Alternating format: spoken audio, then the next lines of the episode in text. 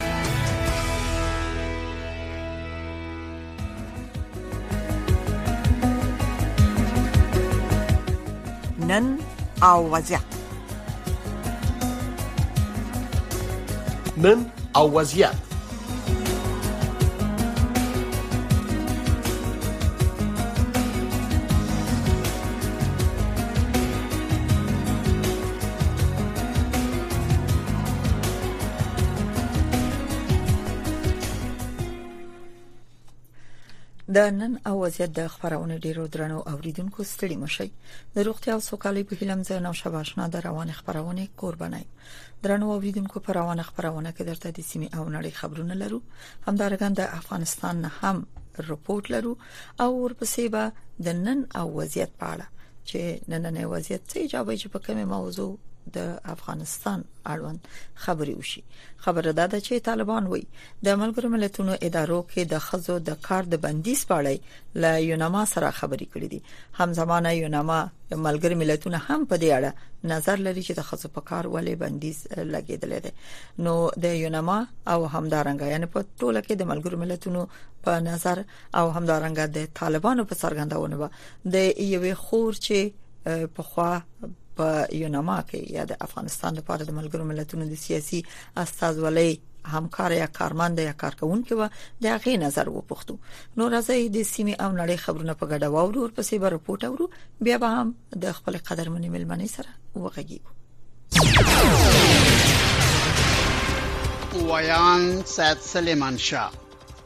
یوناما د کورني سیاست او اقتصادي چارو لپاره د طالبانو د حکومت د ریاست الوزرا د سیاسي مرستیال د دفتر له عمومي رئیس محمد زاکر سره د ملاقات په مهال د ملګرو ملتونو په دفترونو کې له کار نه د افغان میرمنو د منع کولو په مسلې خبرې کړي د خبر تفصیل د ریاست الوزرا د سیاسي مرستیال دفتر د سې شنبې د ورځې ناوخته د اپریل په یوولسمه په یوه اعلامیه کې ویلي چې د یوناما د کورني سیاست او د اقتصادي چارو د څانګو چارواکو ماروین توماس پاترسان، دیني بوګا او جولین لیني د طالبانو حکومت سره د خبرو لارې د مسئلو پر هواري باندې ټینګار کړی دی.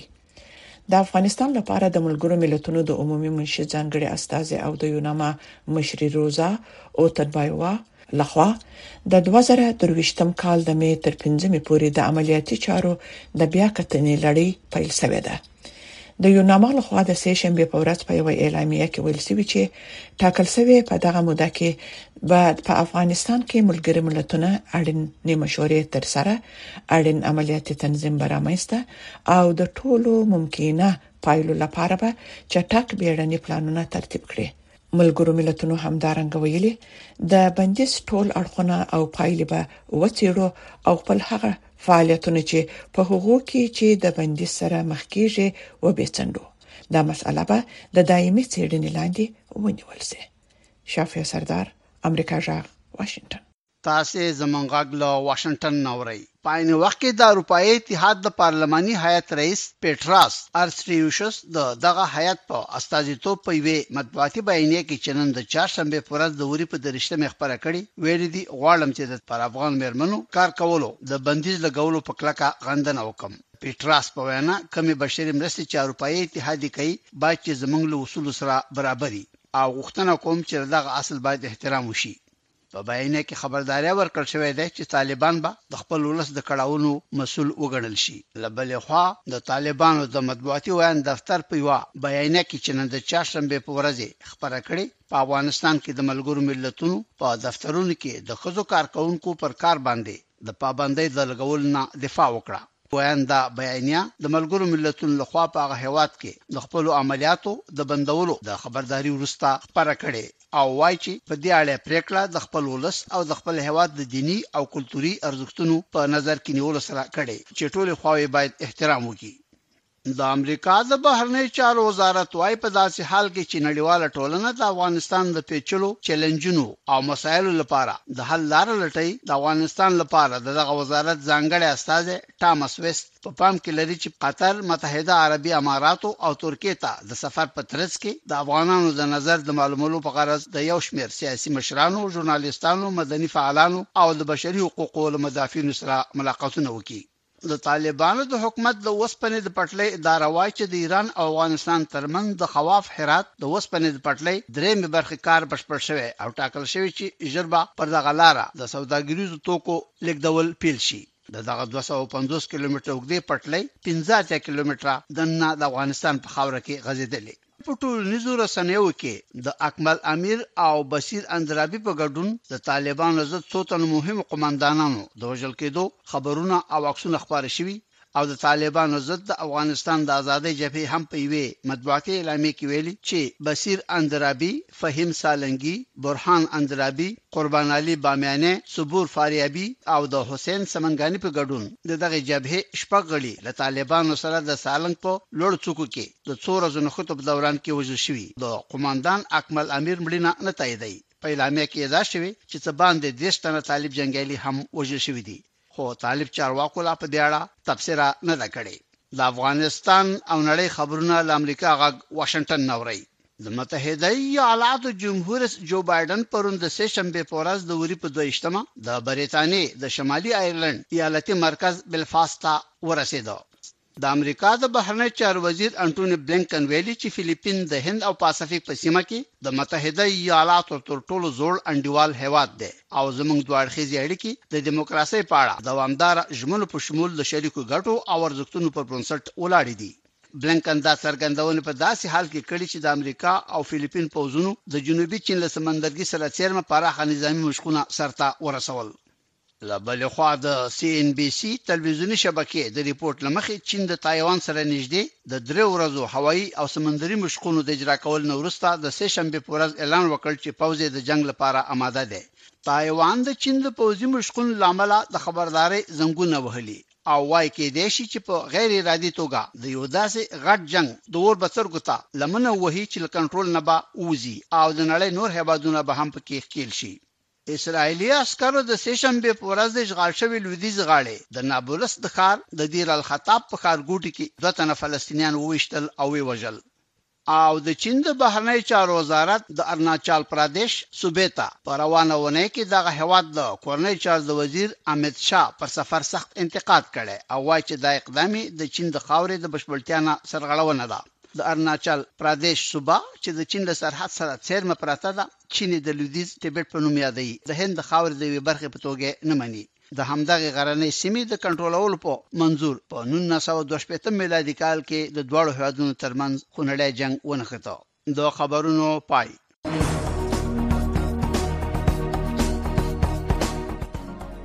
نن او وضعیت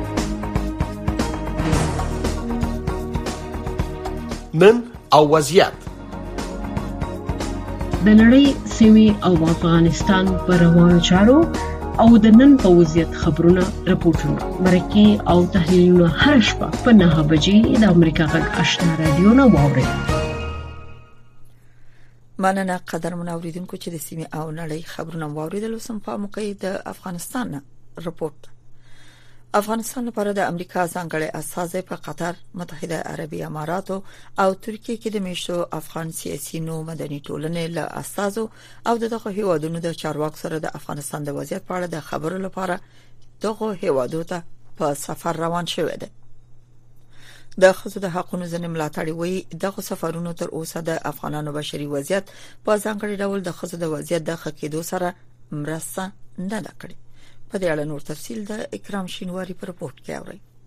د امریکا د بهرنیو چارو وزارت د سې شنبې ورځې ناوخته قطر، متحده عربي اماراتو او ترکیې ته افغانستان لپاره د امریکا د ځانګړي استازي توماس ویست د تازه سفر د پیلېدو خبر ورکړی دی. دغه وزارت په یوې اعلامیه کې ویلي چې ښاغلی ویست به د دغه سفر په ترڅ کې د یو شمېر افغان سیاسي شخصیتونو، خبریالانو، مدني فعالانو، د بشري حقونو ملاتړو او افغان سوداګرو سره خبرې وکړي. همداشان هغه به د قطري چارواکو سره د افغانستان په وروستیو تحولاتو هم وغږیږي د امریکا د بهرنیو چارو وزارت په یوې اعلامیه کې ویل شوي په داسې حال کې چې نړیواله ټولنه افغانستان ته د پیښو ګواښونو د حل په لټه کې ده د طالبانو وروستیو پریکړو له امله چې په بشري چارو کې د ښځو ګډون محدود کړي او ښځې په ملګرو ملتونو ادارو کې د حیاتي کارونو څخه منع کړي وضعیت لا خراب کړی دی د امریکا د بهرنیو چارو وزارت ویل چې قطر متحده عربي امارات او ترکیه ته د ښاغلي ویس سفر د اپرېل په یولسمه پیل شوی او د اپرېل تر اتلسمې به دا سفر دوام ومومي. ښاغلی وېس په داسې حال کې سیمې ته په سفر وتلی چې د طالبانو حکومت پر نجونو د تعلیم او ښځو پر کار د نورو محدودیتونو تر څنګ د ملګرو ملتونو په ادارو کې د افغان مېرمنو په کار باندې هم تازه بندیز لګولی دی. افغانستان لپاره د ملګرو ملتونو مرستندوی پلاوي دفتر یوناما ویلي چې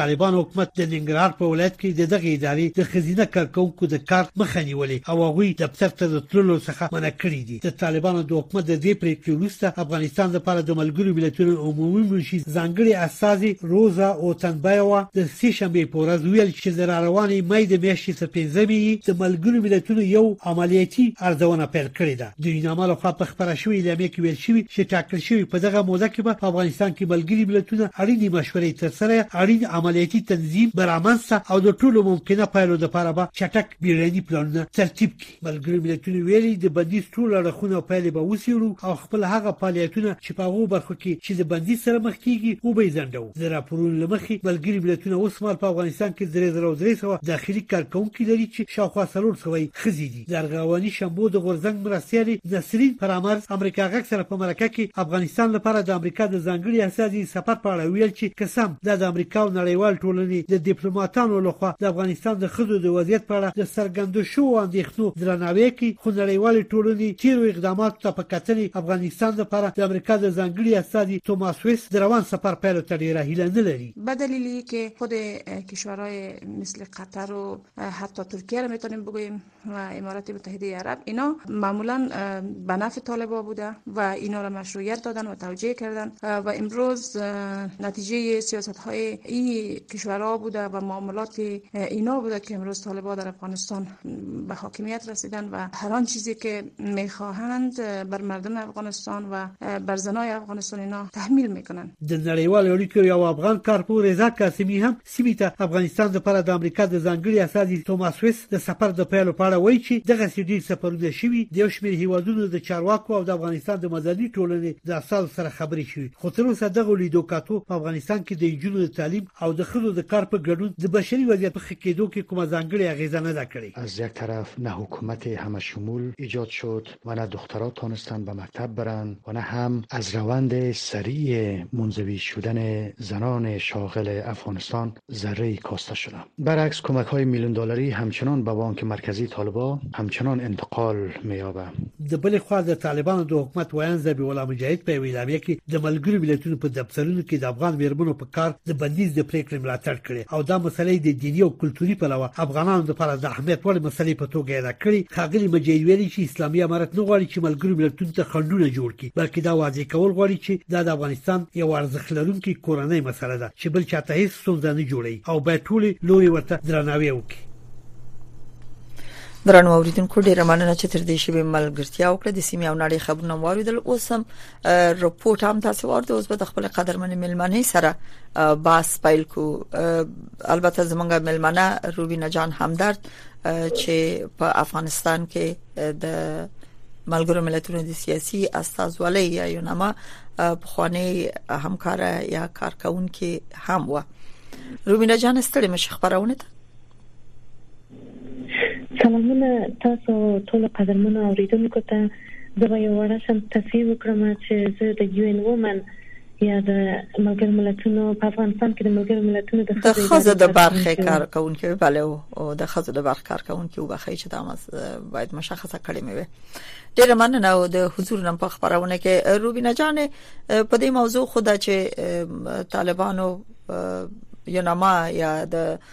ملګرو ملتونو سیاسي استازولو کې د خزو کارونو باندې بندیز لګولې ده د افغان خزو البته په افغانستان کې دننه دا موضوع د څو ورځې رئیس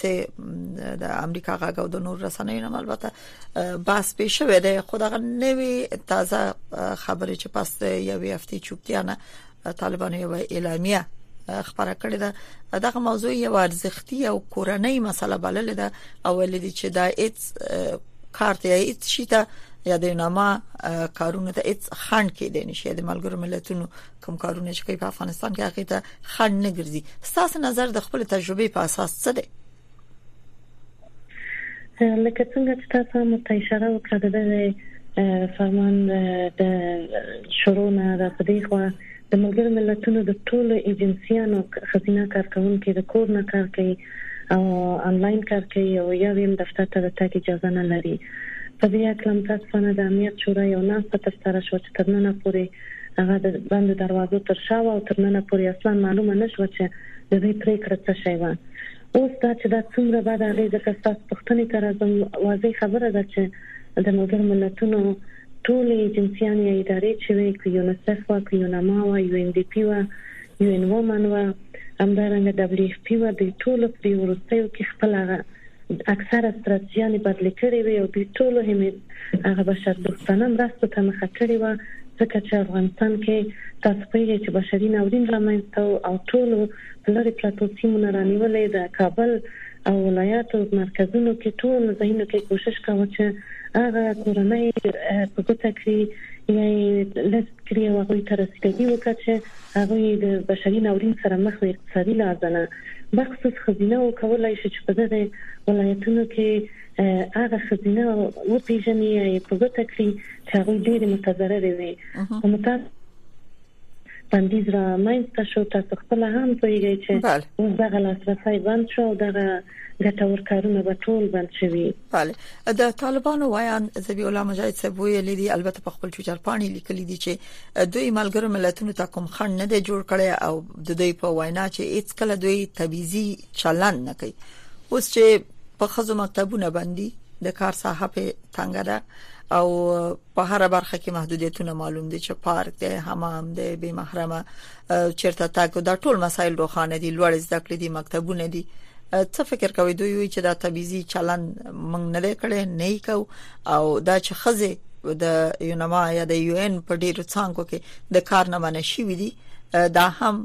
کم یعنی کورنۍ ارزښتي موضوع ده اما دا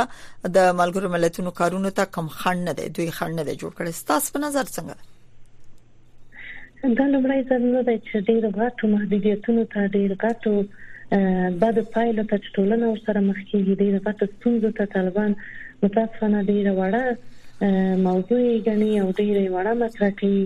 او اصلا هغه پایلو نه یې سترګې پټوي تاسو وګورئ دغه اوس ښوونځي چې ټول تړل شوي دي هم دوی همدغسې یو عادي بحث ګڼي او دا چې څومره بدې پایلې به ولري افغان ټولنې ته په دې پسې اصلا نه ګرځي او په دې هکله اصلا کوم ځواب نه لري همدارنګه د ماغه وخت نه چې ونیسي د خزو نه کارو ته نه لا نه لاسرسي یا مثلا وظیفو یا دندو ته نه لاسرسي د خپل باندې په کورنۍ باندې څومره بد اغیزه وکړه خو متاسفانه طالبان ته اصلا خلکو بخص د خزو د ستونزو موضوع اصلا مطرح نه ده اصلا ورته د تشويش وړ نه ده هغه ډیره وړه مسله ورته ښکاري دا چې د یو خزې تر شا چې هغه د کور یو کور یا کورنۍ متکفله و او دا اوس په کور ناسته ده او دا اوس یا موچی ده یا ننبایي تر څنګ ناسته د سر نه تر مخامه او لاس یې وګټي دغه مسایل چې ډیر زیات متاسفانه بد بد اغیز لري او ډیر کورنۍ تر بد اغیز منې شوې دي دا اصلا دوی ته جالب نه دي یا د توجه وړ نه دي یا د حاکمې ډلې په توګه مسولیت احساس نه کوي دي ته نو سړی به د غلط کې نه پیږم چې څه څه وایي او څنګه پایله ته ورسیږي یوناما چې پرون کومه اعلامیه خبره کړې و په هغه کې ویلي و چې د یوناما د خوانې د ملګرو ملتونو د خوانې د هر پریکړې مسولیت بیرته د اوسنۍ او طالب چارواکو پر غاړه پریوزي څه فکر کوئ تاسو د خزو په برخه کې کار کړی دی اما تجربه لرئ په دې برخه کې اول خدا چې د خزو کار په د یوین په مختلفو څنګهو کې څومره مهمو او بل دا چې اماغه د کار موثریت نه موثریت هر څه چې تاسو نظر لري اماغه ته پکاتو څه تمه ده چې ملګری ملتونه په دې برخه کې څه پریکړه وکړي زه د یو کارمند په توګه خپل کار کو په تناغ وخت کې ورته ما کولای شم چې څلور د ولایتونو کې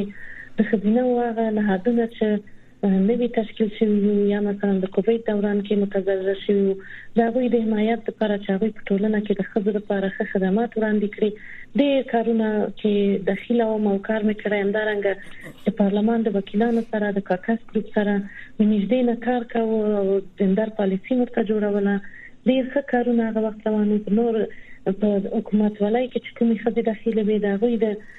ظرفیت لوړوالي لپاره مو هیواد نه بهر خو د لیډرشپ او نور برنامې دوی ته دایرولې او هغې کې دخیله وم په ډیرو لویو برنامو کې مونږ کار کاوه نو تاسو فکر وکړی کله چې دغه کارونه ټول ورځ په ورځې محدودیږي بندیږي محدودیږي بندیږي دا ټولنه به بله کومې خوا ته روانه وي زه نه پوهیږم چې اتمه ډله غواړي چې دا ټولنې ته پرمختګ ورکړه مسؤلیت احساس خو نشته او که غواړي چې عمدن یې داسې لوري ته بوځي چې بیا به یې بیرته راستنول کلونه او قرنونه وغواړي او بل دا چې تاسو ویل چې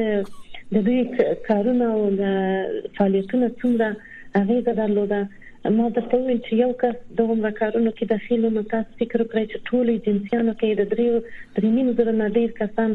کار کوي او چې ټول کارمندان په کور روبینا جان په ځینو دفترونو کې مثلا ضرورت د کار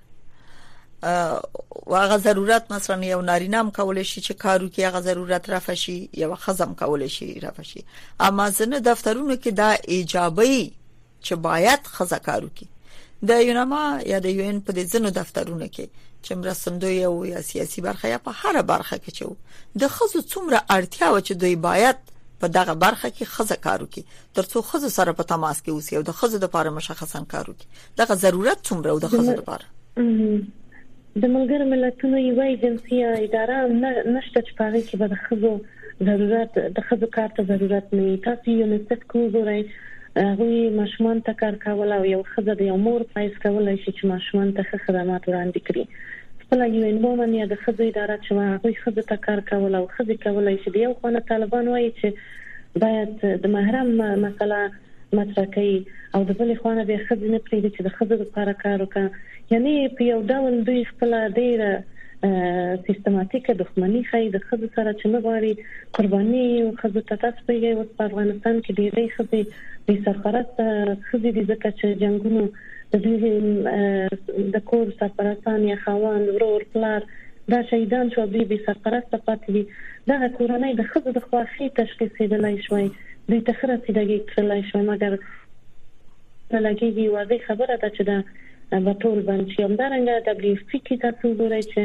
بشردوستانه مرستې وې او دغه مرستې د ښځو د خوا د ښځو لپاره ښې وړاندې کیدلې، کونډو ښځو ته ښې وړاندې کیدلای شوې، نو اوس تاسو فکر وکړئ دغه خلا به څوک ډکه کړه، دا نارینه وو باندې څنګه ډکوي، دوی خپله د محرم موضوع څنګه بیرته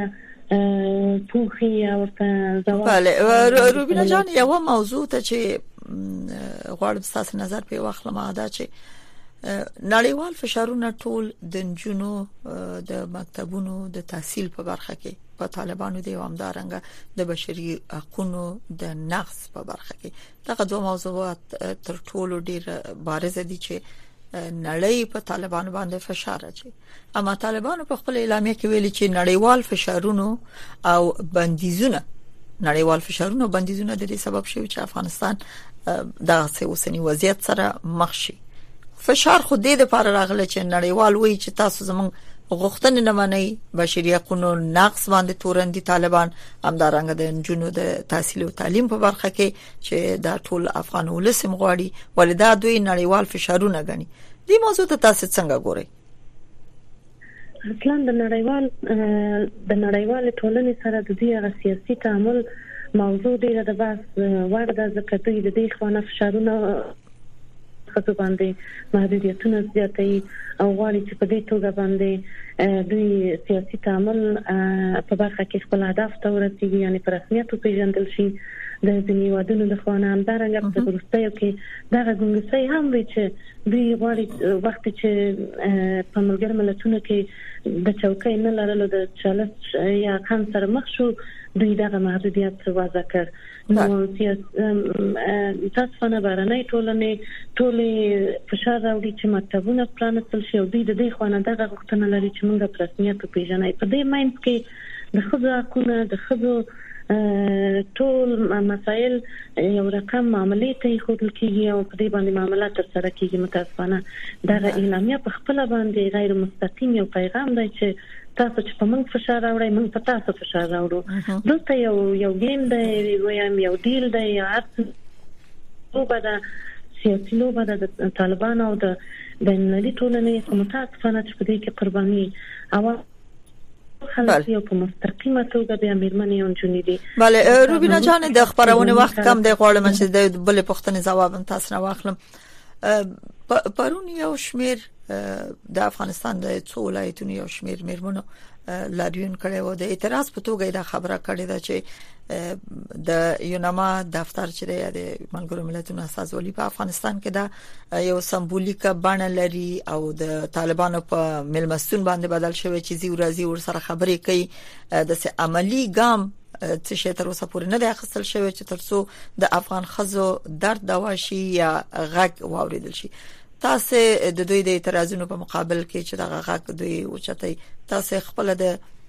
یوناما د دفتر شتون په افغانستان کې څومره موثر غنئ او دغه غږونه چې د خزو اعتراضي غږونه چې کیږي د تبڅونه انعکاس ورکیږي د غوسنی ناورین ته چې خصوصا د خزو په برخه کې څومره بودن یا شتون موثر اول خو دغه اعتراضونه خپل د سوال یا پوښتنې وړ دي ځکه چې په دې وروستیو کې موږ تاسو شاهد یو چې هر چا چې غږ پورته کړی بخصوص خزینه وو هغه شکنجه شوی دی پیژندل شوی باندې شوی دی نو دا خبي څنګه حق لري چې جرأت کوي سره تر وځي او اعتراض کوي واضح خبره ده چې دا د تکتیک شوی برنامه ده پلان شوی برنامه ده او د خزي د خپل طالبان لوري نه ارشیو دي چې راوځي او دغه یو اوازه خبره کړی او داسې یو اعتراض وکړ د یوناما په ارتباط کله چې موږ افغانستان کې وو او یعنی سقوط تر سره شو هغه نو وروسته موږ ته داسې ګونګسای وې د دغه ملګر ملتونو د لیدرشپ د خوانه مجلس چې ونیول شو دا چې شاید دفترونه انتقال شي اسلام آباد ته او دا غځای نه کار وکړو خو همدغه طالبانو رهبری د ملګر ملتونو د رهبری سره تفاهم ته ورسېدل چې نه په تاسو به اصلا کوم بندیز مي په کارکوونکو اوږدو خو مګر خپل ماموریت ته ادامه ورکړئ او افغانستان کې پاتې شئ په دې معنی چې طالبان هم د دوی په شتون باندې د دوی د کارونو په ارزښت باندې خبر دي ورباندې پوه دي خو زه بیا تکراروم کله چې دوی په خپل هغه سیاسي تعاملاتو کې بند راځي بیا دغه محدودیتونه وضع کوي دا ټولو ته جوته ده دا ټولو ته واضح خبره ده چې د یوناما کړنې د یوناما کارونه ټول په ټولو هیوادونو کې مثمر دي دا دا یو څه خدي واقعا چې یو څه په دې ورستیو کې ناراضه شوې دي البته تر نن پورې دغه وسام د خدو په ګروپونو کې باسونه دي دوی غواړي چې مجالس ولري د اس ار جی سره ځکه چې دوی غواړي ورته وایي چې دا محدودیتونه ته څومره صبر کوي ولې پناه تقدیر کوي بله فقط یو دقه وخت لرو روبینه جانه یو دقه وخت لرو افغانستان لپاره د امریکا ځانګړی استازی په قطر متحده عربي امارات او ترکیه کې د میشت افغانانو سیاسي نو مدني ټولنو له استازو سره د افغانستان په اړه لیده کاته غواړي او هم د لپاره سفر کړی دی ام دغه لیدو کتو ته په کتو او هم د فشارونو ته په کتو چې د ملګرو ملتونو لخوا البته په طالبانو تر اوسه پورې د اعلامیه تر سرحده دغه فشارونه راغلي دي خپل افغان ولسمه غڅ غواړي چې نړۍ د افغانستان لپاره غواړي څومره پته ما استي ورته چې یو رڼایي براشي او دغه غوښتنې به ومنل شي لنډ ځواب راکړئ د ټام ویست د ټام ویست د هغې کتنې نه چې افغانستان یې تر سره کړې ده بیرته راستون شوی خزور سره مجالس نیولې دي زه په خپل پکې وم په دې مجلسونو کې متاسفانه څه شي چې دا مونږ ته وایي وایي چې زه فقط یو اجرایوي صلاحیت نه لرم فقط یو گزارش جوړولای شم او دا گزارش مې جوړ کړ دا مې خپل خپور کړ خو زموږ توقع او زموږ غوښتنه د یو ګزارش نه پورته ده، ځکه چې ګزارش خو شته، موږ ته خو ټوله اوضاع معلومه ده، ټولې دنیا ته معلومه ده چې د افغانستان په خلکو باندې ښځو باندې څه تېرېږي. نو په دې خاطر زموږ توقع د دې نه پورته ده او تامبس فقط یو ګزارش جوړوي، یو راپور خپروي او یعنې تاسو څه هیله لرئ؟ څه هیله لرئ؟ څه هیله لرئ که نه؟